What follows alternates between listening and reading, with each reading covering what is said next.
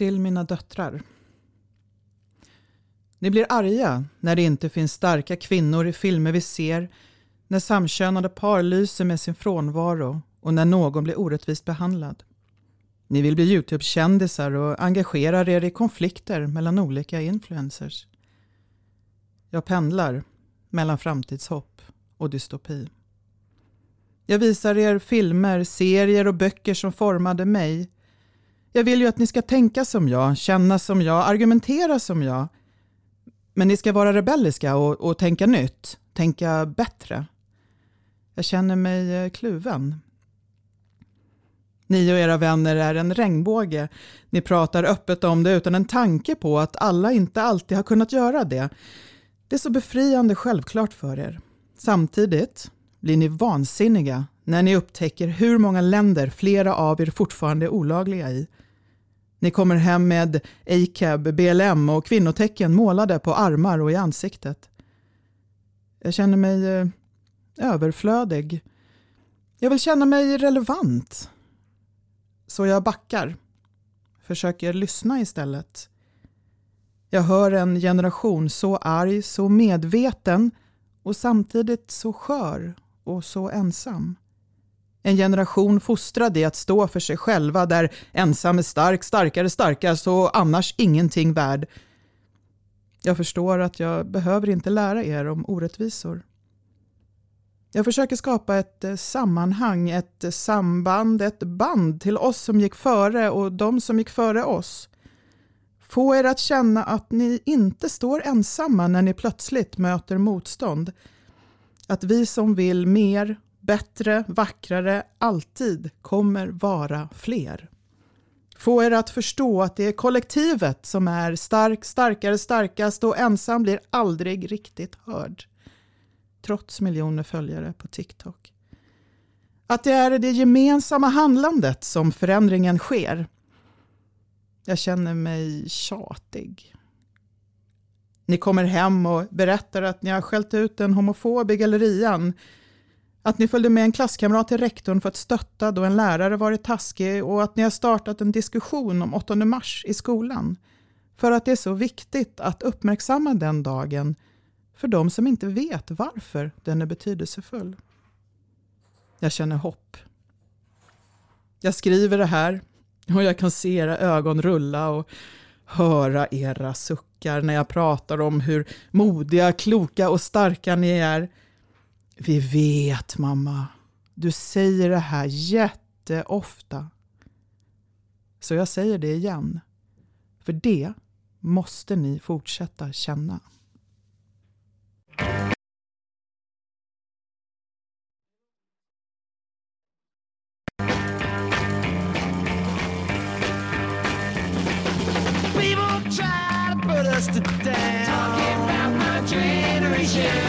Just because we get around. Talking about my generation. Things they do look awful.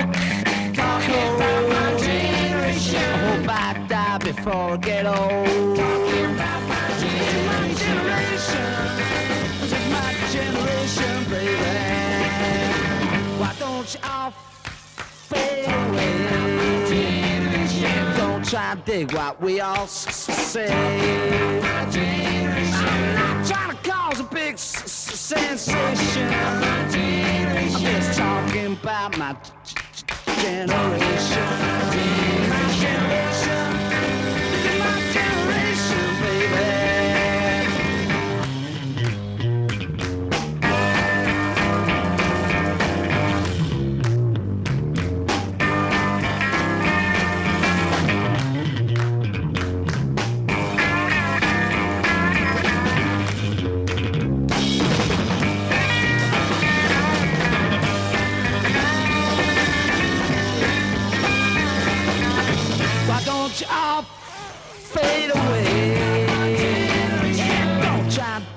What we all say.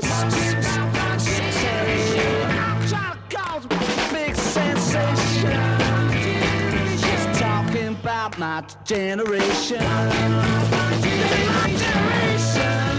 This is my generation, baby.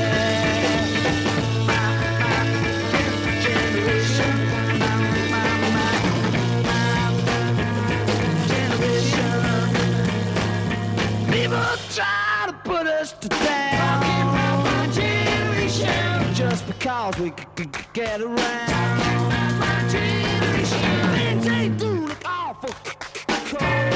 My generation. I hope I die before I get old.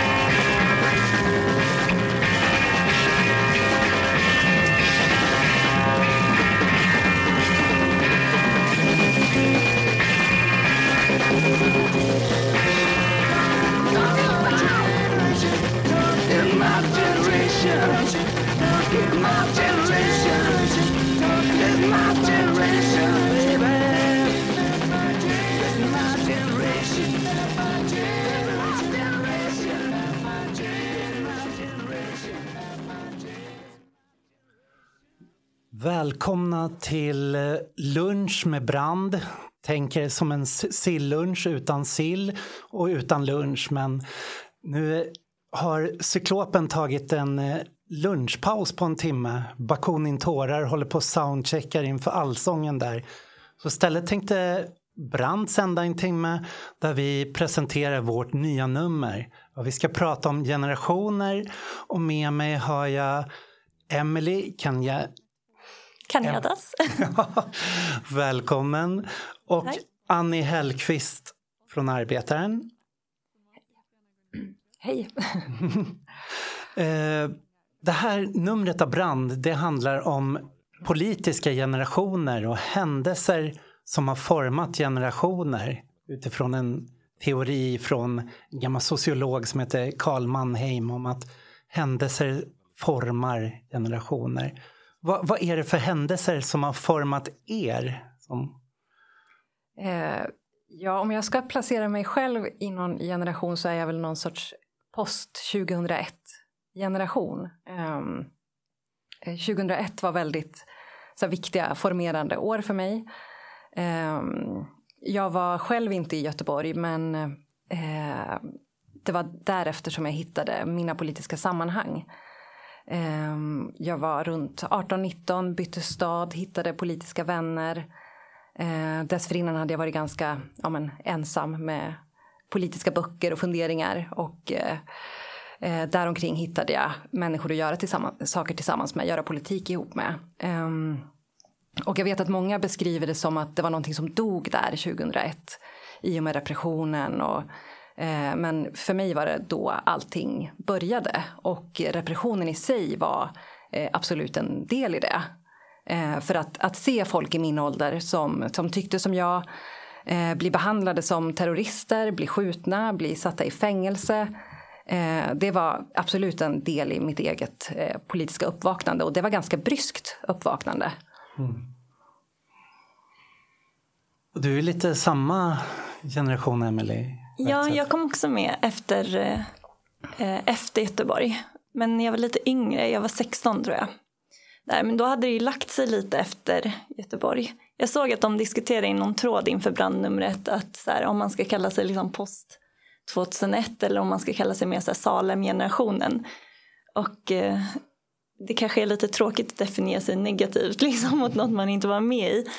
Men eh, de erfarenheterna från 2001 var ju väldigt liksom levande bland de äldre kamrater som vi som var småttingar och hade precis blivit organiserade. Liksom det var en stor del av det. Men eh, kanske ännu större var hela den här känslan av att så här, globaliseringsrörelsen hade kommit till, sin, till sitt slut och att man nu skulle satsa på mer lokal organisering. Det tillsammans med Salem skulle jag säga är de som kanske blev liksom det vi höll på med mer mm. då. Och eh, det här numret av Brand, det har kommit att lyfta 50 år av kamp just för att i år är ett sånt här jubileumsår då en massa saker ska firas. Att det är tio år sedan arabiska våren och Occupy Wall Street. Det är 20 år sedan Göteborgskravallerna och globaliseringsrörelsen. Det är 30 år sedan eh, Sovjetunionens fall och hela realsocialismens kom, kollaps och kriget i Jugoslavien och nationalismen kom tillbaks till Europa på ett sätt. Och 40 år sedan eh, den våg av ungdomsrevolter, ungdomsupplopp skedde i Europa, i Storbritannien, Amsterdam och Tyskland som gav upphov till en stor husockupantscen. Och sen är det också 50 år sedan almstriden. Och man kan säga också 68 tog en mörkare vändning. att Röda arméfraktionen släppte sitt grundande manifest där i skiftet april-maj 1971. Så alla de här äh, generationerna kommer till tals i det här numret. Men vi försökte också göra ett nummer som inte fastnar i nostalgi. Ni har kikat lite, tjuvkikat lite i det här numret. Ja, jag tyckte det var väldigt intressant eh, just att eh, när man tänker på politiska generationer så, så är det ju på något vis som 68 generationer som liksom har fått vara de som har fått vara en politisk generation i sin egen rätt. Eh, men ni väljer redan startpunkt 1971 mm. när 68-generationen börjar tappa just karaktären av massrörelse. Ehm, jag tyckte det var väldigt intressant. hur kommer det sig att ni började där? Jag, jag tänkte lite så att det, det är så lätt annars att man alltid tar de här peakåren när rörelsen är som störst och så. Och Dels är det så här numerologiskt snyggt att köra jubileumsår, de här tiotal åren. Men det är också spännande att se de år rörelse står för inför en vändning. Att det, man kan ju formas av att man blir en massa, det händer någonting på det sättet.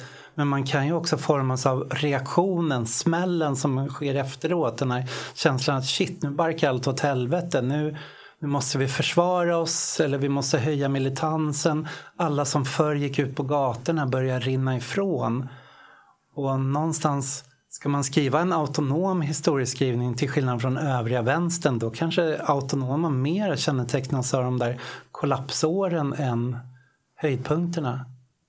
Vad kände du Emelie? När du jo men det var, eh, det var intressant. Alltså vissa som de eh, det var intressant till exempel när 70 ställdes mot 80-tal och sådär för det är mycket mer, det var mycket mer eh, mycket mörkare de texterna om 80-talet liksom.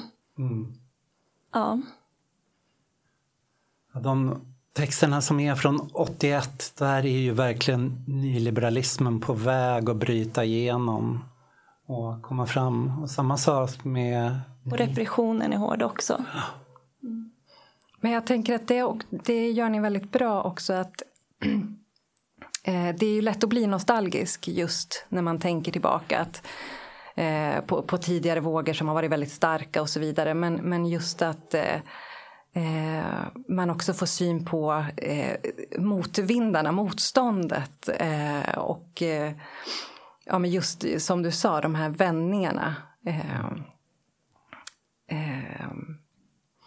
Mm. Och jag tänker också att alltså, det, det finns ju också någonting väldigt hoppfullt i att även misslyckanden eller eh, förluster eller liksom rörelser som, som ebbar ut eh, så finns det liksom lärdomar kvar. Att även motgångar kan, kan vara en seger i längden för att man plockar med sig det in i nästa, nästa våg av mobilisering. Mm. Mm. Jag tycker eh, jag tycker det har funnits en levande sån diskussion också mycket tycker jag, i, i alla fall inom den antifascistiska rörelsen också på 2000-talet, att man liksom har den där, hur ska vi se till att kunskap inte går förlorad mellan generationer eller mellan så aktivistgenerationer utan att för den sakens skull behöva göra allting som man gjorde förut eftersom situationen ändå förändras och man måste göra på nya sätt. Mm. Ja, visst är det så. Det, det är många, många små bryggor som lämnas här. Att både så här från almstriden 71 till Fridays for Future idag, liksom 50 år av miljökamp. Men man kan också se hur den italienska autonoma rörelsen som krossas 81 någonstans ändå lyft, lyckas lämna en gnista till dem i Berlin som vaknar då och åker på möten i Italien och kommer hem och bara wow, vi är inte bara husockupanter, vi, vi ska börja definiera oss som autonoma. Och sen när deras gnista börjar gå ut lite, muren faller, liksom Tyskland förändras, då sitter folk i Skåne och bara vi ska börja kalla oss autonoma istället. För, medan andra plockar upp anarkafeminismen då. Så att det, är, det är mycket sådana bryggor däremellan. Men eh, jag tänker också på, eh, ni använder ju det här, alltså det teoretiska ramverket kring numret. Eh, så, så lutar ni er också lite mot Keir Milburn. Eh, Och eh, just att för, förståelsen av generationer som en eh, politisk kategori. Eh, att, att förstå kollektiv politisk agens bortom rörelserna. Eh, på vilket sätt är en politisk generation något mer än den rörelse som just då är aktiv? Tycker du, Mattias? Akira har släppt en bok som heter Generation Left. Som är, vi har några texter om den och vi har en text av honom i det här numret också. Och han ser ju då bredare, liksom, det här är inte ett sätt att liksom ersätta eh, klass som begrepp. Utan det är snarare att se att inom klassen finns det olika skiktningar och formeringar som man kan se när arbetare börjar få det bättre ställt och kan köpa sin villa och äga sin villa, äga sin bil så börjar de rösta på ett annat sätt medan deras ungdomsgeneration som är arbetarbarn men kanske inte alls har råd att köpa villa och belåna sig eller måste belåna sig kommer att reagera på ett annat sätt. Att de här, det finns sådana materiella skillnader i generationer som han lyfter fram. Och då för, det handlar inte bara om hur ekonomin förändras utan det måste ju också till något subjektivt moment för att bli en generation. Att man går ut på gatorna, börjar se sig själv som ett gemensamt in, intresse. Och där kommer då liksom de här politiska rörelserna in. Så att, säga. att det behövs kommas till någon form av uttryck och de uttrycken kanske till och med inte är representativa för hela generationen utan kan vara liksom en eh, motströmning mot vad som sker i, i sin generation också. Jag tänker vi kan fortsätta den här diskussionen. Vi, vi ska spela ett litet inslag från en av poddarna som är på Brand och spela någon sång. Så kommer vi tillbaka och pratar om det här generationsnumret igen.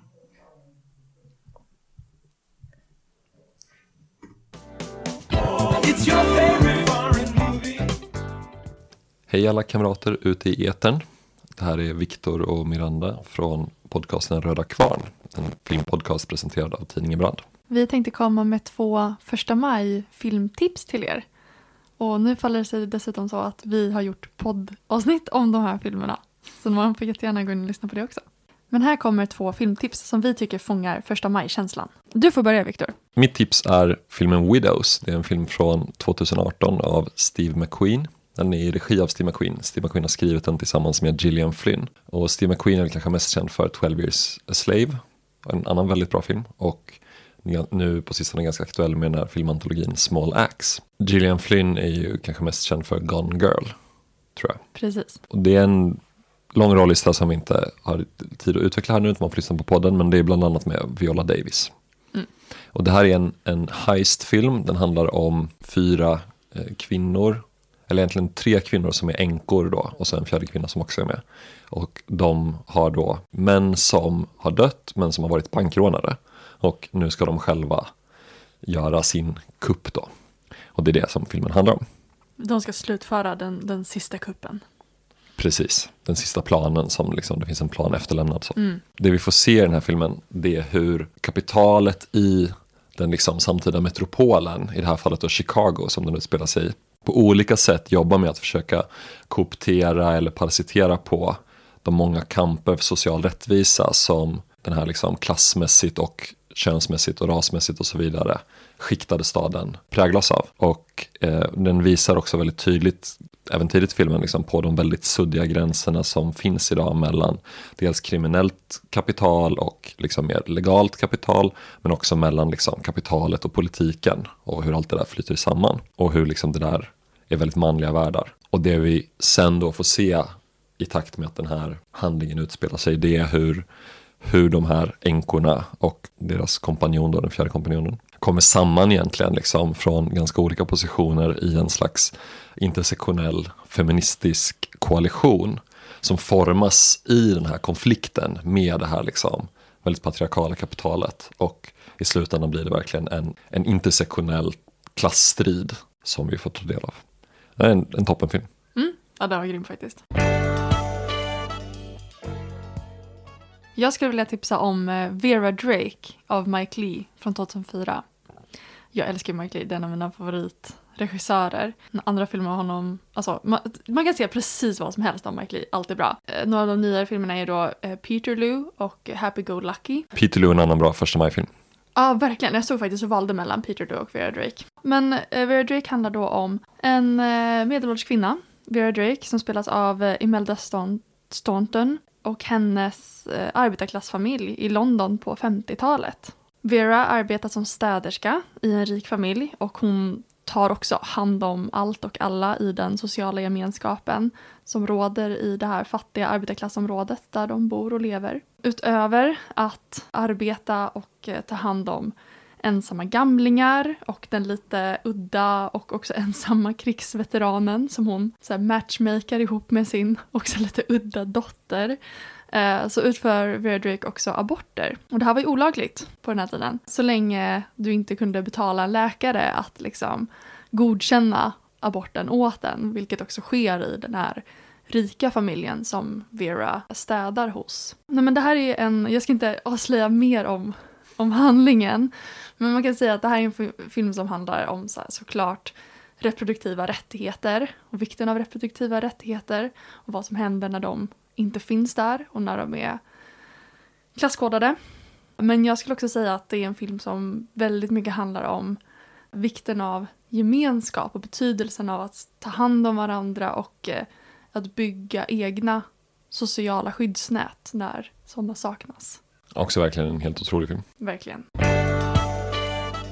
Vi önskar alla er en väldigt glad första maj. Kanske ser ni inte någon av de här filmerna nu på första maj, utan ni kanske har något annat för er. Till exempel att lyssna på den här fantastiska radiosändningen från Cyklopen. Hur ni än firar dagen framgent så hoppas vi att vi får göra det ännu mer tillsammans nästa år när vi kan ses på gatan. Tills dess får vi kolla på film. Yes, Tack för oss, hej då! hej då.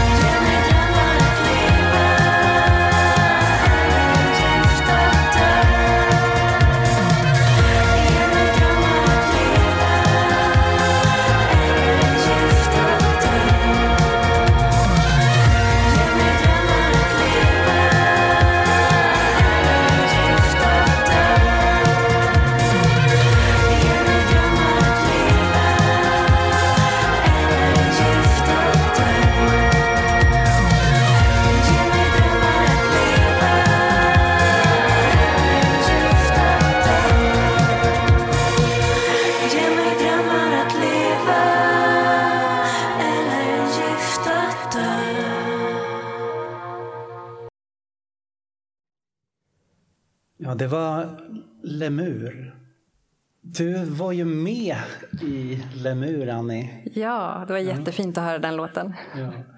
Så jag tänkte bara om vi skulle säga något om generationer och den roll generationer spelar för kultur. Eh, Eller kulturen spelar för generationer menar jag.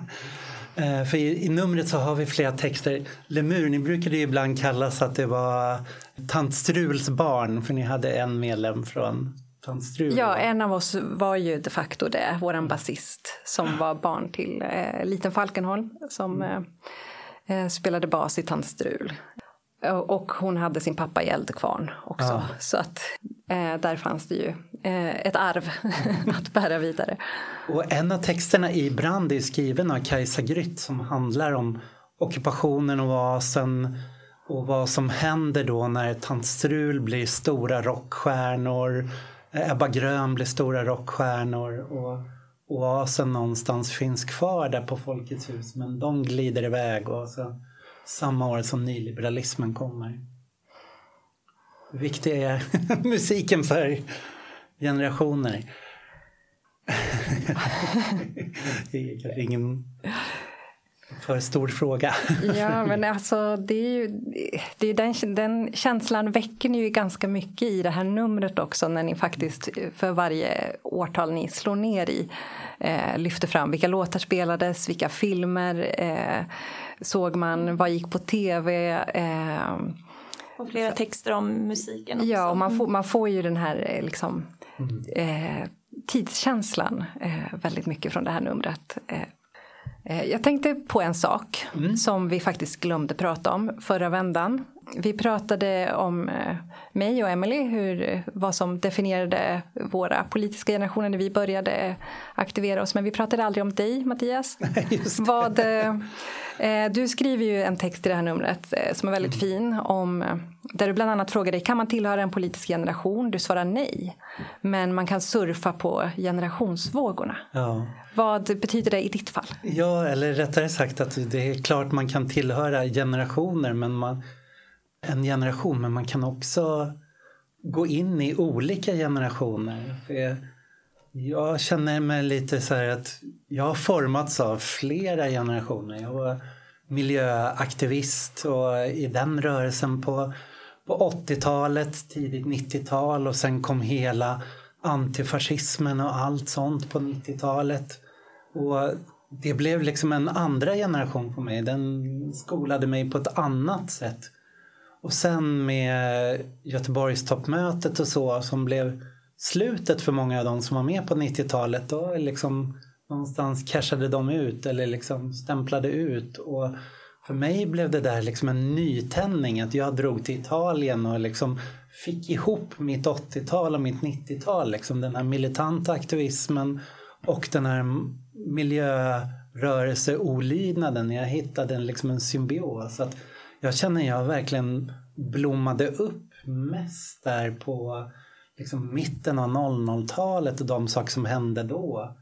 Och sen eh, de senaste åren så har liksom det som har kommit då bygger mycket på liksom just liknande erfarenheter jag har gått igenom där i Italien. Så jag tänker på så här Extinction Rebellion och Ende Gelände med de här massolydnaderna. Det, jag känner mig väldigt hemma där. Så här, så det är svårt att säga att ja, men det här är en ny generation. Bara, men jag, jag känner med er. Jag är ung, trots 50 år. Men hur tänker du kring det? Att så här, överföra erfarenheter och kunskap mellan de här generationerna? Mm. Utan att bli nostalgisk liksom. Ja, jag tror att varje generation måste göra sina egna erfarenheter. Och Det, jag har ju den här Nicket Guldfiske eh, som jag skriver under och det är min blogg också. Det är taget av så här, Tony Negri. Han fängslades eh, i Italien när autonomierörelsen drabbades av repression och då alla satt och pratade om hur ska vi hålla det här vid levande. Och då skrev han en text, en så här hyllning till minnesförlusten. Så här att de unga proletärerna i storstäderna de behöver kanske inte vänsterns minne utan det kommer en ny generation som gör saker nu och ska vi tvinga in dem i de gamla ramarna så, så det, vi hjälper dem inte kanske på det sättet. Och jag tror nog att det, det är så. Varje ny generation, man kan inte komma och trycka på dem den gamla politiska generationens erfarenheter. Men däremot så kan man känna igen sig i den. Att det är jättehäftigt att höra till exempel vägmotståndet, eh, de saker som skedde på 90-talet när det var gamla punkare som kom dit och bara kände igen sig i ravekulturen och det. Bara, men det här är ju samma energi, samma revolt och gick in i den utan att försöka ta ledning. Men hur tänker ni själva med som kom efter Göteborg till exempel? Vad har äldre generationer betytt för er? Alltså dels att man känner sig som del av eh, en rörelse som har funnits länge. Jag tror det är viktigt. Inte så att man ska, eh, ja, som du sa, inte att man ska tvinga in någon i gamla former. Men jag har också svårt att se liksom, hur vi skulle kunnat organisera oss efter, alltså på, i början av 2000-talet utan att alla hade med sig, eller vi fick höra om erfarenheterna på 90-talet. Mm. För att ja, de hängde så ändå så mycket ihop att det är svårt att... Jag var inte med på 90-talet, jag var ju barn då. men de erfarenheterna och det som kamrater har berättat och det, är ändå, det var ändå så viktigt för hur vi sen organiserade oss. Det här, det här är faktiskt en kul anekdot jag måste skjuta in. Och det, jag var med med miljörörelsen och ockuperat hus 1994 ute i Häggvik. Och då hade vi, för att göra det här folkligt och bjuda in de boende områdena så organiserade vi sagoläsningar i huset. Och vem dök upp där? Emily. Precis, så jag och Mattias har ju organiserat det tillsammans väldigt länge. Eh, men jag tänker också på att det är... Eh, eh, det, det kan ju vara lätt för liksom, eh, också äldre generationer eller liksom, eh, när man möter yngre eller ja, när man som yngre möter äldre eller äldre möter yngre att man så, ja, men på våran tid då minsann. Eh, och eh, det är lätt att känna att man, ja, men man kom för sent. Det var före, före min tid allting hände. Ehm, eh, om jag ska återknyta till eh, musiken och generationerna så hade vi en låt som eh, där en textrad gick Vi blev sämre än mammas generation, vi blev sämre på punk och revolution. Eh, och just känslan av att ha kommit för sent. Ehm, eh, men eh, jag tänker att eh, ja, men just som du sa, varje generation måste få återuppfinna sig själv utan liksom, att ha generationen innan eh, dess tyngd på sina axlar på något vis. Eh, mm. Mm, men som efter, ja, men, som vi två som blev aktiva efter Göteborg, det är kanske inte så kul att komma efter Göteborg, efter globaliseringsrörelsen. Men det kändes ändå så här som att alla förstod att nu måste det till något nytt. Och då hade man ju ändå chansen att vara med och bygga det. Liksom. Mm. Det verkar ju varit mycket så i globaliseringsrörelsen att det kom tillbaka en äldre generation där. Speciellt i Italien men även i Tyskland som hade varit med om rätt mycket repression och de kom inte tillbaka och säger gör som oss utan det, deras erfarenhet var gör inte som oss, prova andra vägar. Så här. Det var det som fick oss att bli mycket mer experimentiva. Men hur var känslan? Alltså för att, att vara mitt i det då, liksom åren upp fram till 2001 eh, när, när saker var väldigt växande och eh, växande globalt också. Liksom. Det var ju en, alltså rörelsen kring toppmötesprotesterna var jättestor. Eh, hur, hur var känslan kring just möjligheten till att uppnå förändring jämfört med idag? America Vera Zavala skriver bra om det i det här numret. Om den, om den känslan. Och det var inte bara toppmötesprotesterna. Det var de här sociala forumen och att vi reste så mycket världen över. Och sen kom protesterna mot Irakkriget och olydnadsaktionerna mot Irakkriget. Så att den här vågen fortsatte ju till 2003, kanske ända till 2005 innan den helt eh, liksom ebbade ut eller föll ner någonstans. Så att det, för mig är det nog den, bland den häftigaste perioderna jag har varit aktiv. Men eh, samtidigt så kan man också säga att det var Saker hade pågått en lång tid. Liksom. Det fanns massor med små initiativ och sånt som, som inte hade sett varandra under 90-talet. Det kändes som en öken men plötsligt så i Seattle 99 så, så var vi alla där. Och det var inte så att folk kom från ingenstans utan det var bara att först då möttes vi och satte oss tillsammans. Och det var samma med de sociala forumen. Att så här, då insåg vi hur många vi var det blev. Något. Utan det kan vara lite så att det, det finns massor med initiativ men det finns liksom bara ingen kopplingar mellan dem och det gör att man, man känner sig väldigt ensam. Vi kanske ska gå över och spela ett block till här och så fortsätter vi med, demonstration, eller med diskussionen sen lite, demonstrationen är ju första maj, om, eh, om eh, nutiden, de senaste tio åren och generationer. Nu kommer det bli lite absurt här för att jag lämnar över ordet då till mig själv, till apans anatomi och, och pratar med skoltwitter.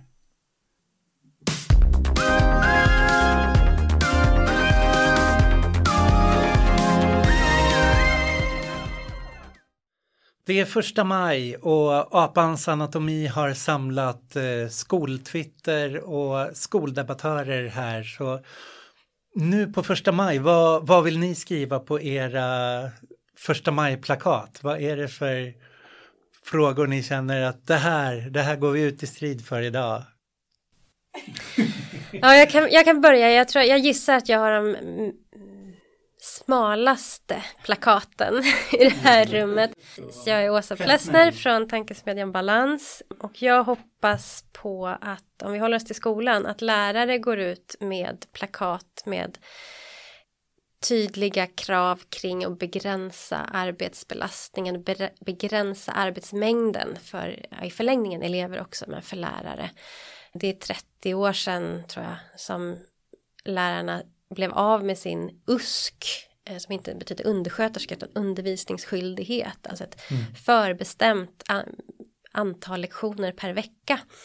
De ska tillbaka. Det är tydligen tabu att förhandla om det så då behöver vi skriva ut upp det på plakaten. Liksom. Inte en minut över 16 timmar. Det är väldigt enkelt att göra läraryrket attraktivt. Begränsa arbetsmängden och släpp eh, tidsanvändningen fri för lärare i övrigt. Ja, bra paroller. Majsa, vad står det på ditt plakat här? Ja, jag håller mig också till skolfrågan då och eh, måste ju såklart eh, inta elevernas perspektiv. och jag menar, alla vet vi, elever som eh, vuxna och eh, bebisar vet till och med det också, att lärandet är ju en kollektiv process. Det sker i sam socialt samspel med varandra, vi imiterar varandra, vi eh, instruerar varandra och så vidare, vi inspireras av varandra och så vidare. Och därför blir det helt befängt att i en obligatorisk undervisningsverksamhet att man då ska i betygsättas och bedömas individuellt. Alltså kunskapen blir ju här någon slags privategendom. Och då är det alltså en obligatorisk, det är skolplikt vi pratar om, så du måste gå där men du ska också bli då graderad efter någon ATF-skala och bli stämplad och sen få dina kommande livschanser avhängiga dessa. Så att eh, ner med betygen. Klassisk och jättebra. Och, och från Majsa Lelin till Nathan Hammelberg. Vad, vad står det på ditt plakat? Okej, nu har vi fått någon typ av professionen-perspektiv och ett elevperspektiv. Så jag tänker liksom ett vi alla små i samhället perspektiv. Men då tror jag jag skulle säga någonting i stil med att lära så länge man lever. Inte leva för skolan, utan en skola för livet. Typ. Därför att vi har så mycket en skola som är en kort fabrikssituation snarare än att så här, alla ska ha rätt till liksom, att inhämta kunskap under hela sitt liv. Och liksom det är kopplat till liksom karriär snarare än att så här, bildning kan ha ett eget värde eller liksom att ha, få lära sig och utforska saker. Hur ska man kunna göra när man är liksom 54 eller man ska få göra det när man är man ska kunna få gå gymnasiet när du är 23 utan att det ska vara något så här fel på det. Så det skulle jag stå för. Folkhögskola åt alla. Sånt. Verkligt livslångt lärande. Nej men liksom, jag, jag, jag så tycker I'm off. Nej men så här, jag tycker, man känner ju så jävla många som hatar skola på väldigt goda grunder liksom. Men det är ju på grund av vad den, hur den institutionen ser ut idag. Och som samtidigt liksom när de kommer in i någon liksom lärande situation i livet oavsett om det är en verklig skola eller inte så är det liksom en känsla av liksom makt över sig själva och liksom förstå och Ja, och jag får väl eh, knyta ihop det där och säga i och med att den här podden Apans anatomi kommer ur ABF-cirklar och jag brinner för folkbildning så jag vill verkligen, vi måste försvara studieförbunden, vi måste försvara folkhögskolorna men att de inte när högern, om de kommer till makten och SD släpps in, att det är det de kommer börja ge sig på och skära i studieförbunden. För det är, tycker jag är oerhört viktigt för all form av social organisering, den här självutbildningen och kollektiva kunskapssökandet. Yay, nu ska vi ut med våra plakat. Wow. Så. Wow, tack så mycket.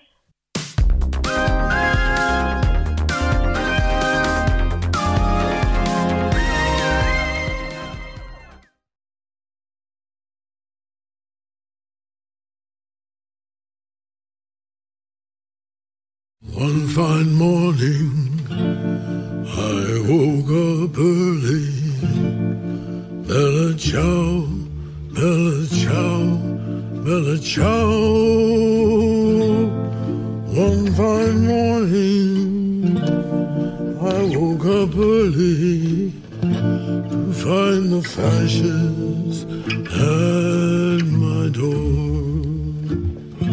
Oh, Partigiano, take me with you.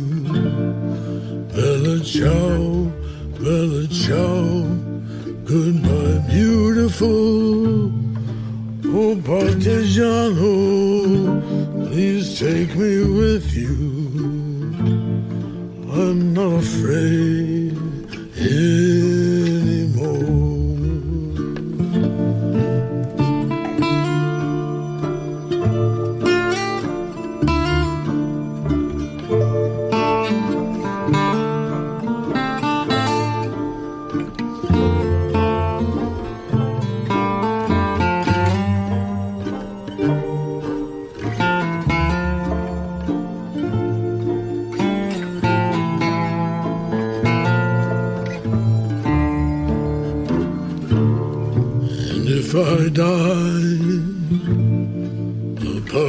Partigiano, bella bella goodbye, beautiful. Bury me upon that mountain beneath the shadow of the flowers. So all the people, the people passing, ciao, Bella ciao, goodbye, beautiful. So all the people, the people passing. Då fortsätter vi lite till om eh, generationer. Om vi ska säga någonting om de senaste tio åren då. Vad finns det för nya generationer? Och... Ja, kan inte du säga vilka texter det finns om dem? De, de liksom senaste åren ibland. Ja, vi har gjort eh, en intervju som är med Morgan som är från Fridays for Future som var en i det här gänget med Greta Thunberg som började genomföra skolstrejkerna när de var bara 10-20 pers där i början. Och sen är det Mio som också är med i skolstrejkerna som pratar med sina föräldrar som var med i Göteborgstoppmötet och har en diskussion mellan generationerna. Och nu har ju pandemin någonstans lagt sig som en våt filt över hela kri- eh, vad säger, klimatprotesterna och klimatstrejkerna. Så. Det var ju också, 2019 var ett väldigt stort protestår också eh, runt om i världen. Eh, med mycket sociala protester, Chile, Iran, Irak, eh, Ecuador. Eh, alltså många sociala uppror som eh, de kunde handla om allt, korruption, demokrati. Eh, det hände mycket i Hongkong. Eh, ofta var den tändande gnistan något som höjde levnadsomkostnaderna för vanligt folk. Eh, om man ska hitta något gemensamt. Eh, och så hade vi liksom den unga klimatrörelsen.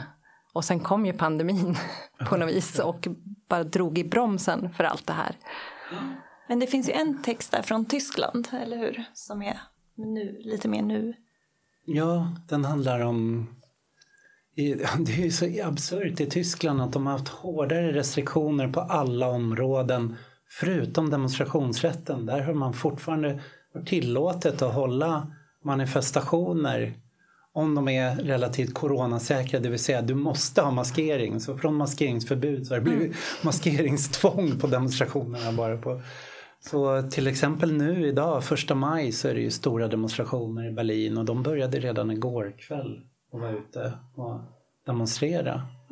Och i den texten finns lite intressanta exempel på också, tyckte jag, om hur de liksom lyckas hitta sätt att organisera sig även under pandemin Ja, nu. Till exempel erbjuda saker som staten inte fixar att eh, tillhandahålla och så. men det har varit lite en så här stående diskussion för oss ibland att försöka tänka på så här, vad är nästa generation? Vad finns det för ny generation att lämna över? För någonstans kom det en våg, man kan säga eh, efter ungdomshuset stormades i Köpenhamn i slutet av 00-talet så kom det en våg, vi fick förortsorganisering, vi fick megafonen, pantrarna, linje 17, det kom Kärrtorp händelsen där NMR attackerade en demonstration och så blev det de här stora Kämpa Malmö-demonstrationerna. Och det här liksom skapade en ny generation. Eh, inte bara liksom vänsteraktivister utan Fi lyftes av det här. Det var en rad eh, postkoloniala skribenter, sajten Rummet liksom kom fram. Men efter det, liksom idag, det har inte riktigt kommit in en ung generation och tagit över på det sättet. Vad tror ni? Eller ser Jag tänker att eh, krafter som Black Lives Matter, eh, de stora protester runt om i världen som, som berör eh, eh, mäns våld mot kvinnor, eh, Storbritannien senast, eh, Ni Una Menos i eh, Spanien och Latinamerika tidigare. Jag, jag tror att de kan komma att ha eh, betydelse och effekt på vad, vad nästa generation tar sig för. Eh, och självklart eh, klimatrörelsen eh, tror jag kommer vara en, en sån kraft som många unga idag eh, som blir deras politiska uppvaknande. Mm. Ja, det, man kan ju se de som drev metoo, det var ju en äldre generation feminister på många sätt. Det var ju inte en ny, ung feministgeneration bakom den. Men det man ska komma ihåg om metoo är ju också att den var ju knuten till yrkesgrupper. Eh, det känns som att man glömmer bort det i efterhand, att det handlar väldigt mycket om de kändisar som hängdes ut och så vidare. Men det var ju yrkesuppror. Ehm, och eh, det har ju blivit en diskussion efteråt om att ja, men det var medelklasskvinnorna och så vidare och, eh, i kulturvärlden. Och det kanske började där. Men det tog ju bara någon vecka tills det kom liksom, ja men vi kokar över från restaurangbranschen, eh, jag kommer inte ihåg vad alla, alla hette men, men det kom ju från bransch efter bransch verkligen. Eh, och ja, det kanske också hänger samman med att eh, eh, det var en äldre generation, liksom, att det var yrkesaktiva. Eh, Ett annat yrkesuppror är ju det som blir kring Vi står inte ut med alla eh, som jobbar inom skola och vård och eh, socialtjänsten som mötte alla eh, ensamkommande efter hösten 2015. Mm. Ja, du var aktiv i det uppropet. Mm. Det har ju varit mycket tal om nu när det gäller coronan och så att eh, eh vi måste rädda riskgrupperna som är en äldre generation, en gammal generation. Men det har också kommit röster om att vi offrar en ung generation som eh, får sina utbildningar sönderslagna, behöva sitta före föra dem i Zoom hemifrån eller liksom inte kunna ha de här eh, studentlivet eller någonting sånt. Tror ni det kommer komma någon form av politisk generation i det här? För det är en enormt delad gemensam upplevelse, händelse. Det tänker jag att det absolut kommer att göra.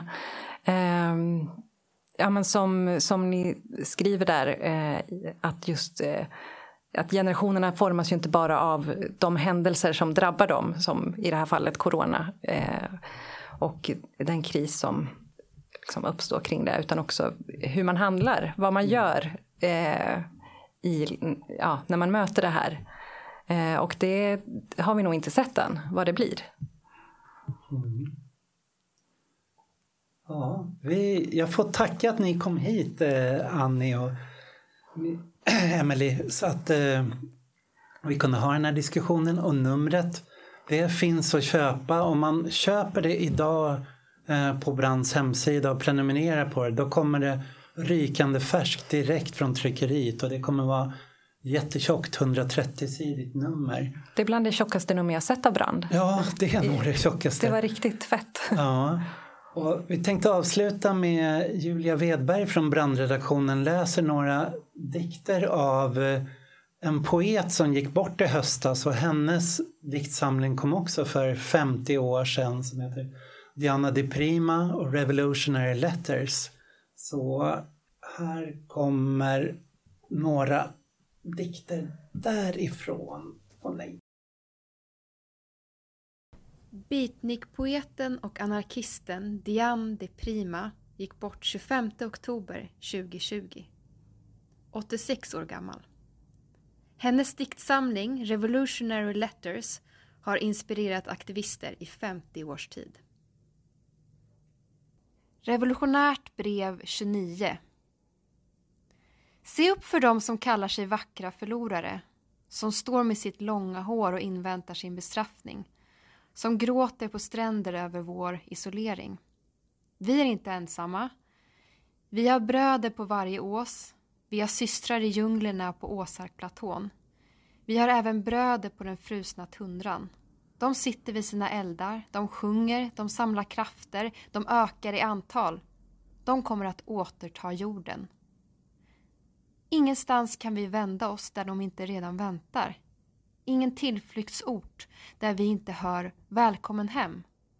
God morgon broder. Låt mig jobba med dig. God morgon syster. Låt mig kämpa vid din sida. Revolutionärt brev 8 Varje gång du väljer en plats för en be-in, en demonstration, en marsch, ett massmöte väljer du platsen för en potentiell strid. Du har fortfarande initiativet. Välj din terräng med detta i åtanke. Kom ihåg gängens gamla regler. Håll dig till ditt kvarter. Låt dem inte locka ut dig till Central Park varje gång. Jag skulle hata att stappla blod ur den parken och söka hjälp.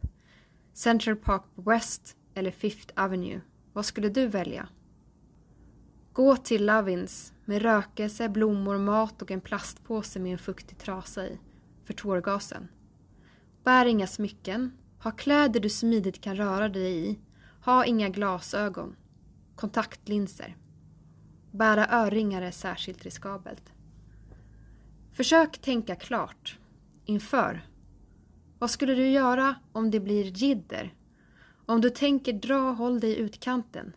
Gör inga rusningar och skapa panik hos andra. Vela inte mellan aktivt och passivt motstånd. Känn dina gränser. Känn inte förakt för vare sig dig själv eller någon av dina bröder. Det finns inte ett rätt sätt. Det kommer krävas alla av oss som knuffar på från alla håll för att det ska rasa samman.